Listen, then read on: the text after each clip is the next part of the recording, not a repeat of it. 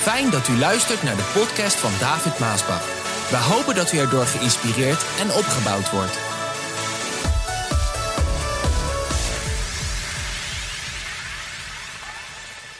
De titel van de boodschap die luidt Alles verandert.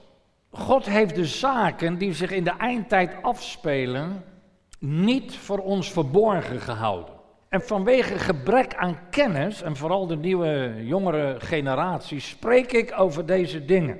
Volgens de Bijbel zijn er in de eindtijd drie hoofdrolspelers die ik eigenlijk het duivelstrio heb genoemd. Ik noem hen het duivelstrio.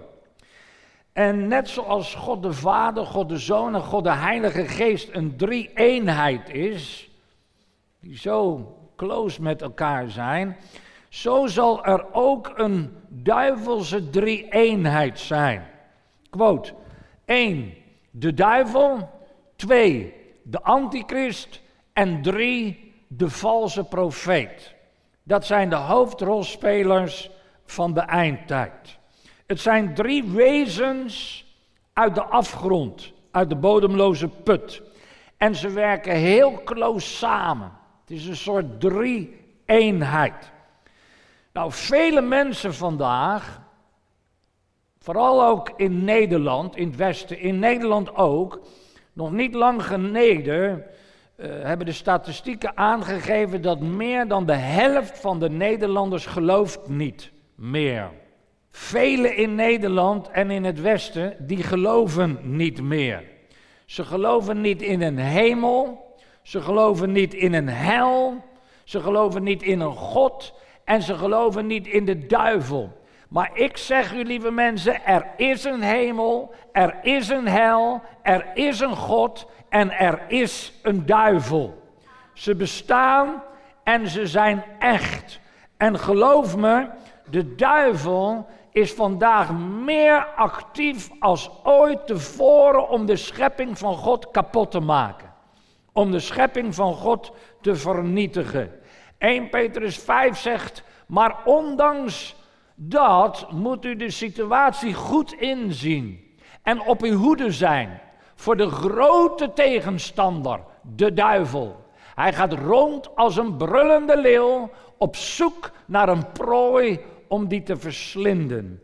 En hij vindt vandaag heel veel prooi, ook onder de christenen, de uitverkorenen, die afvallen van hun geloof omdat hij ze verslindt. Goed, nummer 1. De eerste hoofdrolspeler in de eindtijd. Dat is de grote draak, de oude slang, zegt Openbaring. Ook wel duivel of Satan genoemd. Dag en nacht trekken er miljoenen geestelijke wezens uit het rijk der duisternis over de hele aarde zonder dat wij het zien. Velen weten dit niet, want je ziet het niet. En ik ben ervan overtuigd dat de mensen die zich bezighouden met die bovennatuurlijke verschijnselen, we noemen het ook wel het occultisme, dat zij niet beseffen met wie zij te maken hebben. Dat durf ik te zeggen. Het is trouwens heel raar dat mensen die in allerlei bovennatuurlijke verschijnselen geloven en dat ook aanvaarden, dat zij niet in God willen geloven. Dat vind ik raar. En bij die aanvaarding van al die occultistische dingen, die bovennatuurlijke verschijnselen, wordt de Bijbel volstrekt buiten beschouwing gelaten. Met de Bijbel, daar willen de meesten niks mee te maken hebben. Terwijl de Bijbel juist het antwoord geeft over al die geestelijke verschijnselen. Over al die geestelijke wezens, die onzichtbare wezens die er in de wereld zijn. Er is vandaag hele grote aandacht voor het bovennatuurlijke. Er is ook heel veel nieuwsgierigheid in Nederland aangaande het bovennatuurlijke. Er zijn zelfs heel veel christenen die naar paranormale beurzen gaan. We hebben van tijd tot tijd van die grote paranormale beurzen. En er zijn heel wat christenen die daar naartoe gaan. Maar ze begrijpen niet met wie ze te maken hebben. Dat durf ik te zeggen. Misschien zeg je vandaag, ach David, wij leven hier in het Westen hoor. Wij zijn ontwikkelde mensen. We hebben geleerd. We zijn ver zelfs ontwikkeld. Wij geloven niet in een duivel. Of wij geloven niet in die duivelse drie-eenheid waar, waar jij het over hebt. Nou, ik weet niet hoe jij het ziet, hoe je het ziet, maar quote, de bewijzen dat er boze geesten bestaan, nemen hand over hand toe. Steeds meer zien we het. Uh, het kwaad is verschrikkelijk vandaag. Ik zou allerlei dingen kunnen benoemen en laten zien. En ik, nee, ik kan het niet eens laten zien, want als ik het laat zien, dan ga je, dan ga je over je nek. Dan word je misselijk. Dan, dan, dan, dat is, dat, je wil het niet eens zien. Kijk, en dit vind ik ook altijd zo naar aan de politiek. Dat als dat benoemd wordt, willen ze het niet eens horen. Want dat moet je niet benoemen. En, en laten zien mag je ook niet, want dat wordt allemaal bedekt, want je mag het niet laten zien. Je mag het niet benoemen en niet laten zien. Ja, je mag het oppervlakkig boos noemen, of kwaad noemen, of verkeerd noemen. Of dat zijn dingen die niet mogen. Maar ik zou het eigenlijk gewoon moeten laten zien. En misschien komt die tijd nog wel een keer.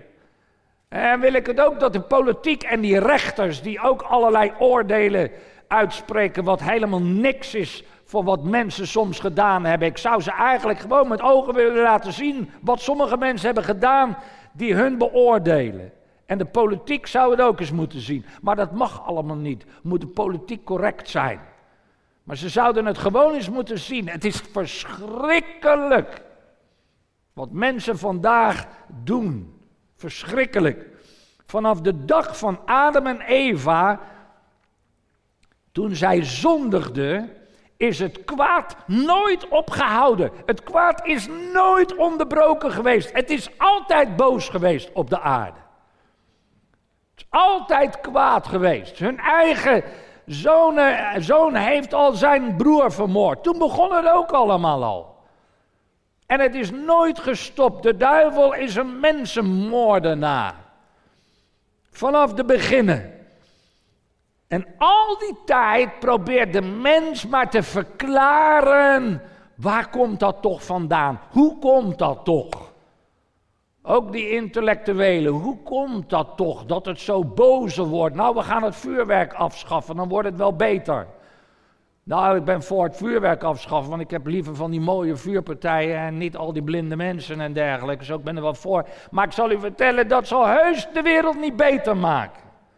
Wat zij dan denken. En ze doen van alles. Waar komt het toch vandaan? Hoe komt het toch dat die, dat die jongelui al de overheidsinstanties, dat ze alles stuk maken? Dat ze, uh, dat ze gewoon ambulancepersoneel aanvallen en brandweerlieden die de, Lieve mensen, het is knettergek vandaag. Allemaal. Hoe komt dat toch? Nou, de Bijbel geeft het antwoord, maar daar willen ze niet in geloven natuurlijk. Ik zeg je, de Bijbel geeft ons het meest logische verklaring van de opstandigheid en de aard van de mens. En de mens in de samenleving. En waarom het steeds erger wordt. Wat ze ook proberen. De Bijbel die spreekt over de oorsprong van het kwaad. Waar het vandaan komt. Voordat God de mens schiep, schiep hij eerst een hoog verheven, bovennatuurlijk prachtig wezen. Dat is wat de Bijbel ons vertelt. De hoogste positie in het rijk van al die geesten waar we het over hebben, die werd ingenomen door een hele mooie engel genaamd Lucifer. En Lucifer die was in alle opzichten volmaakt. Ezekiel 28 beschrijft het zo. Mensenzoon, zing een klaaglied over de koning van Tyrus. Vertel hem dat de oppermachtige Heere zegt, dit is wat God zegt. Over, die, over Lucifer, over die engel. U vormde het toonbeeld van wijsheid en volkomen wijsheid. En volkomen schoonheid. U was in Eden, de tuin van God. Uw kleding was bezaaid met waardevolle stenen. En dan krijg je al die dure namen van die hele dure stenen. Alle in prachtige settingen van zuiver goud. Op de dag dat u werd geschapen, werden ze al voor u klaargelegd. Ik benoemde u tot de gezalfde, beschermende serup. U had toegang tot de heilige berg van God. U liep tussen de vlammende stenen. U was volmaakt in alles wat u deed. Vanaf de dag dat u werd geschapen tot op het moment. Luister, tot op het moment dat het kwaad in u werd aangetroffen. Andere vertaling zegt totdat er onrecht. Dit is de oorsprong van het kwaad. Quote je was volmaakt in alles wat je deed van de dag dat je werd geschapen, dat ik je geschapen heb. Tot het moment dat het kwaad in je werd aangetroffen. Dat is de allereerste keer dat je over kwaad leest. Dat is de oorsprong van het kwaad. Het kwaad, het onrecht dat in Lucifer gevonden werd, dat was zijn trots, zijn hoogmoed, zijn arrogantie, zijn zelfvergoddelijking. Noem ik het maar, zelfvergoddelijking. In Jezaja lezen we hoe God dit bovennatuurlijke wezen, die al dat kwaad het universum inbracht, hoe God die beschrijft, Jesaja 14. U bent nu uit de hemel gevallen, morgenster, zoon van de dageraad. U bent op de aarde neergeveld, hoewel u vele volkeren op aarde overwon. Want u zei bij uzelf, dit is wat Lucifer ineens ergens begon te zeggen.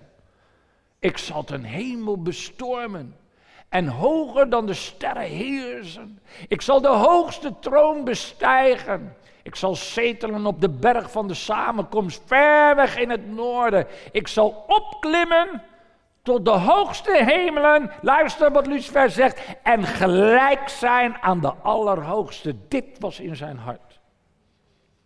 Dit ontstond en groeide in het hart van Lucifer. God beschrijft hier de kern, ofwel het, de kiem, waaruit de oorsprong van het kwaad is geboren. Namelijk het hart. Het hart. Het hart van Lucifer, daar is de oorsprong van al het kwaad, ook wat we vandaag in Nederland zien. Toen Lucifer zei: Ik zal opstijgen ten hemel en mij gelijk stellen aan de Allerhoogste. En toen hij dat deed en zei, brak er een hele grote opstand uit in de hemel. Vertelt de Bijbel ons. Dit, dit leren we allemaal in de Bijbel. Dit leerden onze jeugdjongeren ook allemaal op school in die mooie christelijke tijd van Nederland, toen we nog opgevoed werden in de christelijke normen en waarden leerde de generatie waar het kwaad vandaan kwam, hoe het kwaad werkt en hoe we niet mee moeten doen aan het kwaad. Dat was het onderwijs van de generatie van vroeger. Zo ben ik ook opgevoed in mijn generatie. Er brak een opstand uit en Lucifer rebelleerde tegen God en hij nam de leiding in zijn revolutie over alle engelen. De Bijbel die vertelt ons dat een derde van de engelen die koos de zijde van Lucifer. En zo werd hij de hemel uitgegooid. Door zijn hoogmoed en trots verloor Lucifer zijn hele hoge positie en alles wat hij had. Jezus zegt erover in Lucas 10, Hij antwoordde, ik zag de Satan als een bliksemschicht uit de hemel vallen. Dat is wat Jezus over Lucifer zegt toen hij uit de hemel werd gegooid. Nou, het hele universum werd daarna aangetast. Werd daarna besmet door het kwaad. En de naam van Lucifer, die werd veranderd in Satan. En dat betekent letterlijk tegenstander. En God veroordeelde Satan en de gevallen engelen tot de hel die God voor Satan en de gevallen engelen heeft gemaakt. De hel is niet gemaakt voor de mens eigenlijk. De hel is gemaakt voor Satan en zijn gevallen engelen. Matthäus 25 zegt Jezus ook. Hij zegt, uh, daarna zal ik tegen de mensen aan mijn linkerhand zeggen, weg jullie vervloekten naar het eeuwige vuur dat voor de duivel en zijn trijwanten bestemd is. Het is eigenlijk voor de duivel en de gevallen engelen. Maar het zal ook zijn voor al die mensen die de duivel en de gevallen engelen volgen. Want dat is de plaats waar die terecht zal komen. Er komt een dag dat het vonnis voltrokken zal worden. We gaan naar de tweede hoofdrolspeler. De tweede hoofdrolspeler in de eindtijd is de antichrist. Ook wel het beest genoemd. Openbaring 13. We lezen er gauw doorheen. Ik zag een beest uit de zee opkomen dat tien horens en zeven koppen had. Op elk van zijn horens stond een kroon en op zijn koppen stonden beledigingen tegen God. Het beest dat ik zag leek op een luipaard, maar had de poten van een beer en de muil van een leeuw. De draak gaf het beest zijn kracht. De draak is de duivel, hè? Gaf het beest zijn kracht en gezag, heel zijn grote macht. Het leek of een van zijn koppen dodelijk gewond was, maar de wond genas. De hele wereld liep vol verbazing achter het beest aan. Alle mensen vielen op de knieën en vereerden de draak omdat hij het beest zo'n grote macht had gegeven. Zij aanbaden ook het beest zelf en zeiden: Wie is toch het beest te vergelijken? Wie kan het tegen hem opnemen? Het beest mocht met hoogmoedige woorden God beledigen, 42 maanden lang. En hij deed zijn muil open en braakte de grofste beledigingen uit tegen God, tegen zijn naam, tegen zijn tempel en tegen allen die in de tempel woonden. Het beest mocht oorlog voeren tegen het volk van God en het overwonnen.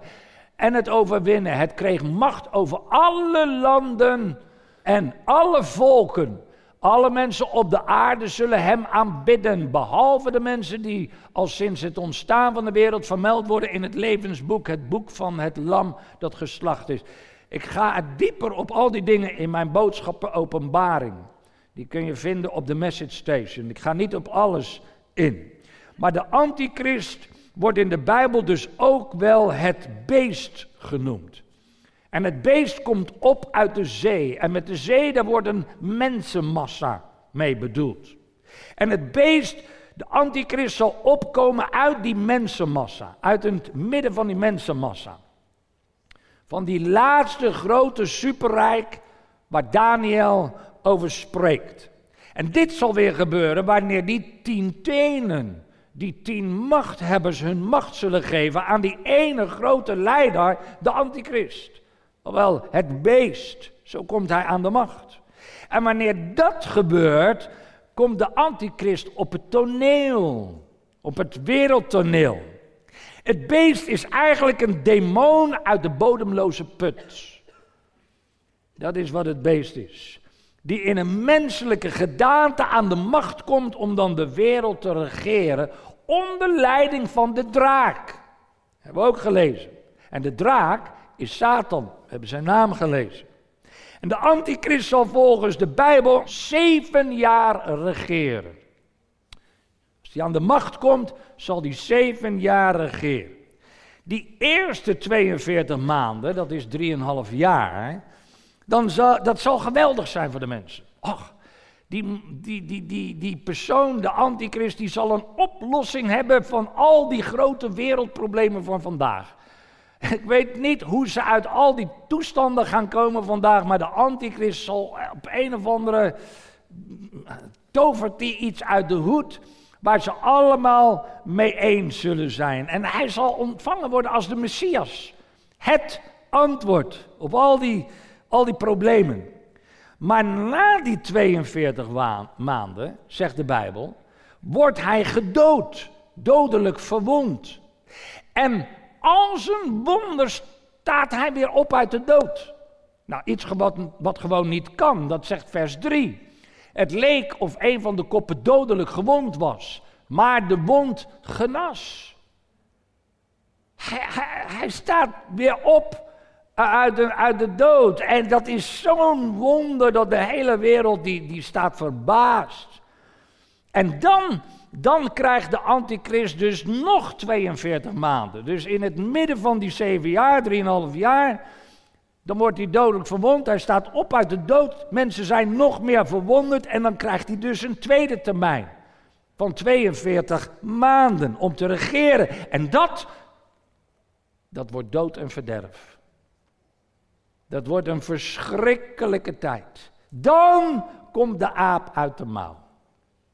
Dan zullen, zullen de mensen zien wat ze gekozen hebben, wie ze aan de macht hebben gebracht en alle macht hebben gegeven. De antichrist die ontpopt zich als een totaal andere leider dan dat hij toen hij gekozen werd. Vreselijk zal het zijn. Er breekt een tijd van hele grote verdrukking aan. Kijk, wij zijn dan al weg, maar dat is een andere boodschap. Uh, wij, de gemeente, zijn dan al weg. Dat is een andere boodschap. Een verdrukking zoals er nog nooit op aarde is geweest. En de Bijbel zegt, als God daar geen einde aan maakt, blijft er niks over. Zo erg zal het zijn. Hij ontvangt niet alleen de macht van die tien leiders. Hij ontvangt niet alleen de macht van de wereldbevolking. Nee, de Bijbel zegt hij ontvangt de macht van de draak zelf. Vers 2b zegt het. De draak gaf het beest, de antichrist dus, zijn kracht en gezag, heel zijn grote macht. Dus, dus de antichrist die krijgt de macht van de duivel zelf, van de draak zelf. De antichrist die zal onder directe leiding van Satan zijn. Dan, dan, kan je wel begrijpen hoe kwaad het is. Want ik zal u vertellen, gas, dat kwaad van Satan is niet te beschrijven. Ik heb het één keer ervaren in een droom. Ga ik nou niet op in, tijd ontbreekt me. Eén keer in ervaren in een droom dat hij langs ging en ik voelde het kwaad. Het was verschrikkelijk. Dat besef je niet. Hoe boos, hoe kwaad Satan is. Dat is het ultieme kwaad, zoals het altijd begon. Die opstond tegen God. Vreselijk, verschrikkelijk zal hij tegen God rebelleren. Zal hij tegen God ingaan. Het zal een hel op aarde zijn. En laat ik even dit tussendoor vertellen nu. Dat is niet Trump. Nee, nee, want, eh, nee, want zo schildert die hele linkse media hem af. En daarom zeg ik ook de laatste tijd tegen u, je moet dat niet allemaal zien en horen en zeker niet geloven. Want die media is helemaal links. En ze laten nu van alles zien, maar ze laten niet zien wat je zou moeten zien. En dat wil ik je even laten zien. Eén dingetje bijvoorbeeld van Trump. Pas, net gebeurd. We thank you for this nation that was born 1776. We pray in 2020 it would be born again. We pray for your spirit to move across our nation, and we humble ourselves and we pray. We repent of personal sins, national sins, and we humbly ask you to bless our nation and to bless our President Donald Trump. Lord, I thank you that America didn't need a preacher in the Oval Office. It did not need a professional politician in the Oval Office, but it needed a fighter and a champion for freedom. And Lord, that's exactly what we have. I thank you, Lord, that he doesn't claim to be perfect, but he is passionate. He's passionate for the, to stop the merciless killing of the unborn. He's passionate to raise people from poverty, and six million have been moved from food stamps to the dignity of work. He is passionate, oh God, to see our Supreme Court filled with men and women who will stand for justice for all. And Lord, we thank you for all that you have begun. And now that you've begun it in our nation, in the middle, we pray that you would bless. Beginnings are wonderful. Endings are wonderful. But in the middle, we need your help.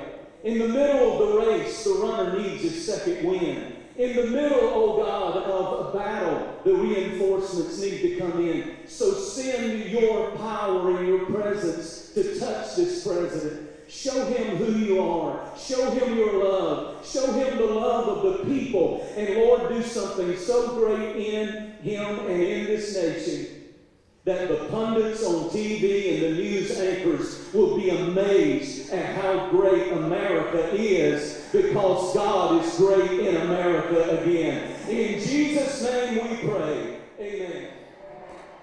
Ik heb nog niet één president gezien waar dit gebeurd is. Nee, echt niet. En dit gebeurde vlak nadat hij meeliep in de optocht anti-abortus, tegen abortus. Dus pro-life. Ik begrijp dat ze die man haten. Dit is niet de, de, eerste keer.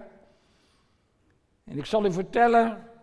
Nou, ik ga, ik ga een boodschap binnenkort brengen wat de media jou niet laat zien. Dit is een van de onderdelen. Ik moet doorgaan, want ik, ik zou hier graag op in willen gaan, maar daar ga ik echt binnenkort over spreken, wat de media jou niet laat zien. Dus geloof niet alles wat de media zegt. En zeker niet over deze man. De derde hoofdrolspeler in de eindtijd, de valse profeet, ook wel het tweede beest genoemd. Het duivelse trio, dat kan niet compleet zijn zonder de valse profeet. Satan en het beest die hebben die valse profeet heel hard nodig in hun, uh, in hun tijd. Om de mensenmassa, om de zee te manipuleren. Te manipuleren om überhaupt aan de macht te komen en te manipuleren om ook aan de macht te blijven. Nou, een van de laatste dingen uh, van de laatste tijd die ik veel zeg, is dat die linkse media ons enorm manipuleren. Niet alleen in Nederland, maar over de hele wereld. Openbaringen 13 zegt het zo. Ik zag nog een beest. Dat beest kwam op uit de aarde. Dus niet uit de zee, maar uit de aarde. Het had twee hoorns, net als het lam, en het sprak als de draak. Het sprak als de duivel. Het trad namens het eerste beest op, namens de antichrist, en oefende dezelfde macht uit. Het dwong de aarde en haar bewoners het eerste beest dat van zijn dodelijke wond genezen was te aanbidden. Dat tweede beest deed indrukwekkende tekenen. Het liet voor de ogen van de mens zelfs vuur uit de hemel regenen. En door deze indrukwekkende dingen, die het tweede beest namelijk het eerste, namens het eerste beest deed, werden de bewoners van de aarde misleid. Het kreeg hen zover een stambeeld te maken van het beest dat ondanks zijn dodelijke wond was blijven leven. Ik zou je vertellen, dat is zo'n samenwerking. Zij kunnen niet zonder deze, dit tweede beest. Dit is ook precies de reden, mensen, dat ik altijd waarschuw om niet klakkeloos iedere wonderdoener te geloven. En niet klakkeloos achter al die wonderen aan te gaan. Al zijn het soms goede wonderen, als je zo'n wonder nalopen bent, dan trap je heel gauw ook in alle valse wonderen. Je moet ook nooit je geloof baseren op de wonderdoeners. Je moet ook nooit je geloof baseren op de wonderen zelf. En mijn hele leven predik ik al hierover.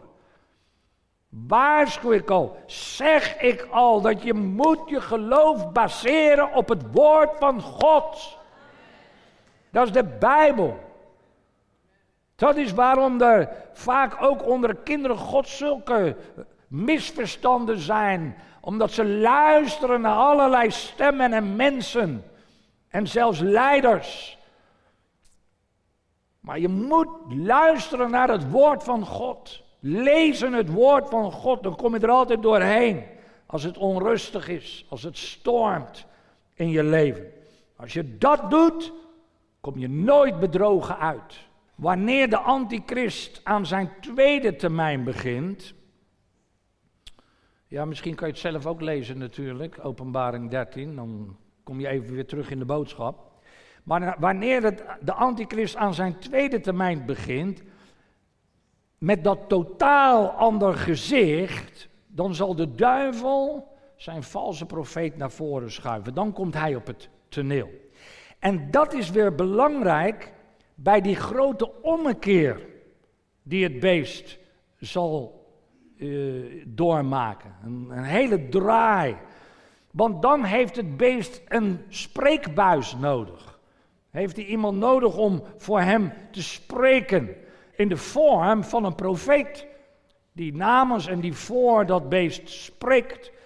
Om die nieuwe aard van de antichrist aan de wereld vorm te geven. Dus dat is belangrijk. Die valse profeet, die zal de wereld dus vreselijk manipuleren.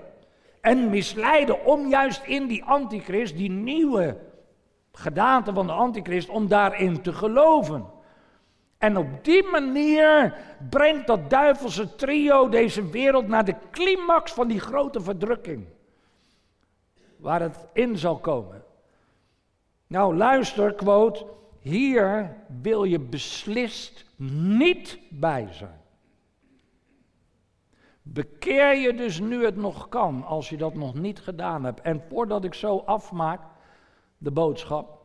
Als je al deze dingen hoort en wat komen gaat in je leven is niet zoals het zijn moet. En je zou je moeten bekeren.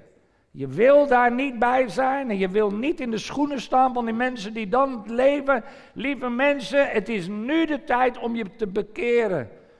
Een vergeving van zonde te ontvangen en om het recht te trekken met God. En als je zo iemand bent, mag je nu je hand omhoog steken. En ik blijf niet lang vragen. Ik wil gewoon vragen: is er iemand die zich nu wil bekeren?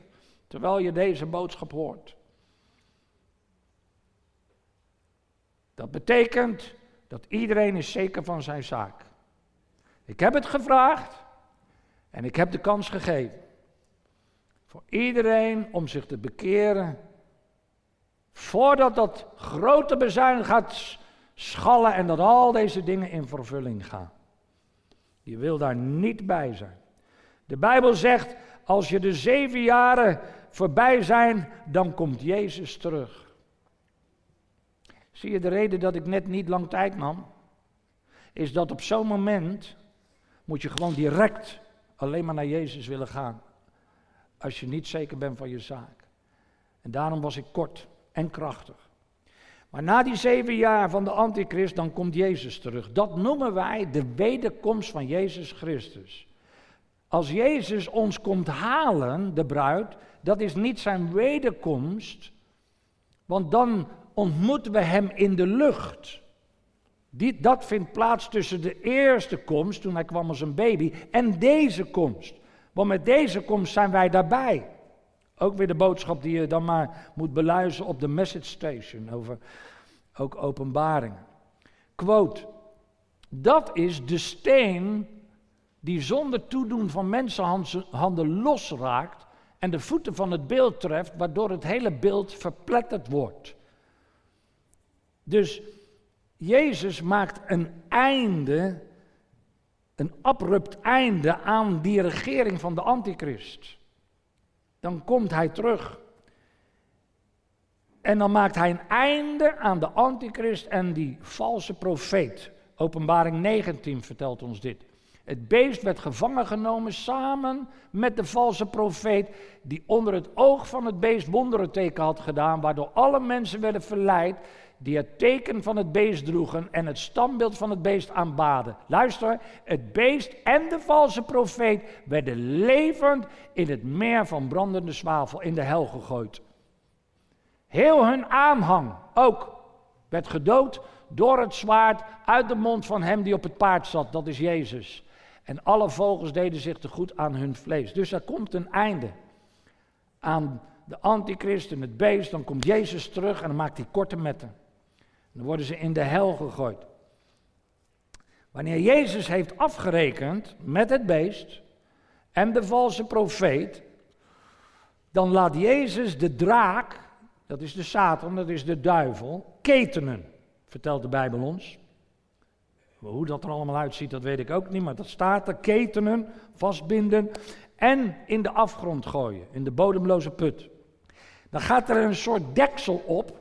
Nogmaals, ik begrijp dat allemaal niet, kan het geen vorm geven.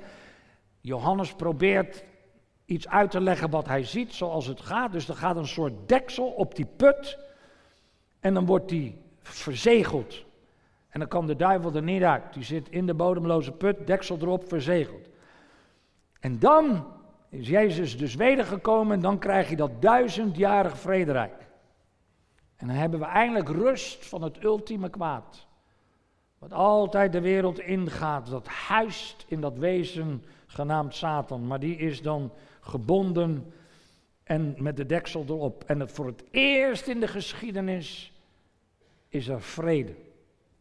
Vrede onder leiding van de vredevorst Jezus Christus. Maar na die duizend jaar, dan wordt de duivel voor een korte tijd vrijgelaten. Om de mensen overal te verleiden tot het kwaad. En ook dan kunnen de mensen weer kiezen. Tussen hem en tussen God. Lieve mensen, dit laat me alleen de genade zien. Hoe genade God is tot het einde toe. Dat de mensen kunnen kiezen voor Jezus. Dat de mensen kunnen kiezen voor Hem. Dat laat hele grote liefde zien. 2 Petrus zegt het zo. Sommigen denken dat Hij treuzelt. Maar dat is niet zo. Hij wacht alleen met het vervullen van zijn belofte omdat Hij zoveel geduld heeft. Hij wil niet dat er iemand verloren gaat, maar dat alle mensen tot bekering komen. God heeft grote geduld. En tot het laatste toe zal Hij proberen om de mensen te redden, zodat ze niet verloren gaan. En ook dan kunnen ze kiezen voor Jezus. Vraag, wat gebeurt er met de duivel? Antwoord, die gaat er ook aan. Ha, die gaat er ook aan.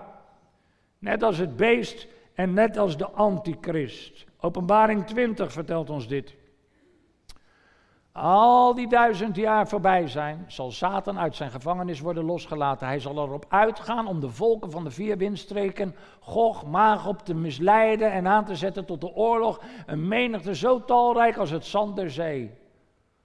En zij rukten van alle kanten op en belegerden het kamp van de gelovigen, de stad die God lief heeft, dat is Jeruzalem. Oh, daar kan ik ook nog zoveel over zeggen. Geen president die de, die de ambassade verplaatst heeft naar Jeruzalem.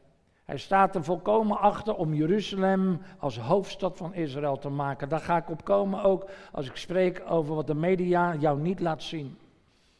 Maar dat gaat gebeuren. Maar er kwam vuur uit de hemel dat hen verteerde. En de duivel die hen heeft misleid, werd in de brandende zwavelmeer gegooid. Waarin ook het beest en de valse profeet waren gegooid. En daar zullen zij dag en nacht gepijnigd worden voor altijd en eeuwig. En dan, eindelijk, eindelijk is het kwaad voorbij. Die langste oorlog die Lucifer begonnen is, waaruit het kwaad is ontstaan, zal eindelijk ophouden. Dan zegt de Bijbel, komt er een nieuwe hemel en een nieuwe aarde. En dan kun je voor jezelf lezen, Openbaring 22. Dat is helemaal het einde. Wat een tijd zal dat zijn. Nou, dit is eigenlijk wat er aan de hand is in de wereld. Dit is waar het allemaal mee te maken heeft. En die geweldige, domme intellectuele leiders, die snappen dit allemaal niet.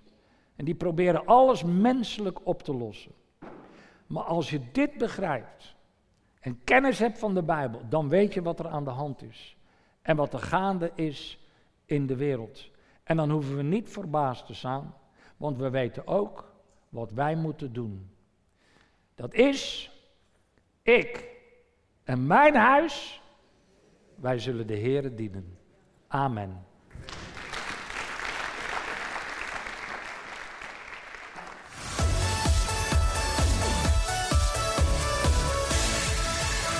Bedankt voor het luisteren naar deze podcast. Wilt u meer preken beluisteren? Ga dan naar message.maasbachradio.com. Bezoek ook eens onze website www.maasbach.nl.